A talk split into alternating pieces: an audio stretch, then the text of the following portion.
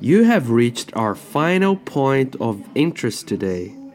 Kungsbacka stad, the mural. What you should be seeing now is a mural painting by Jan Persson from 1992. The mural describes the city as the local artist used to remember it between the 50s and the 60s. It's a look into the past, his past. Some things might be left out. When looking at this painting, I come to think about what wasn't depicted here, whose portrayals might have been missed, what was chosen to be forgotten. What about you? If you have to imagine your city in a mirror such as this, what is it they would like to be forgotten, remembered, and even celebrated in such public painting?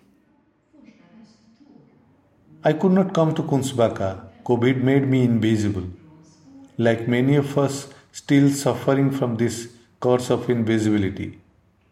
We have our fights. Still, we are humans working on our grid. Fra Mauro, the Italian cartographer, was restricted to travel due to his religious affiliations.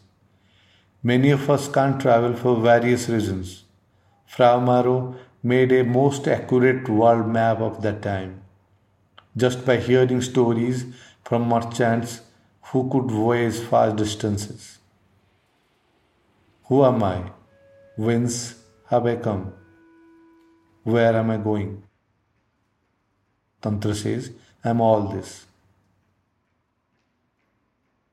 To exit this walk, let's declare together yantra as place listening, an exercise now embedded in the urban planning of the city and to be wisely used by city makers to be.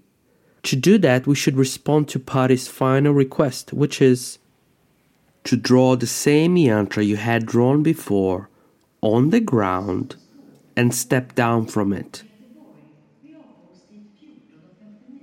Thank you for taking this walk.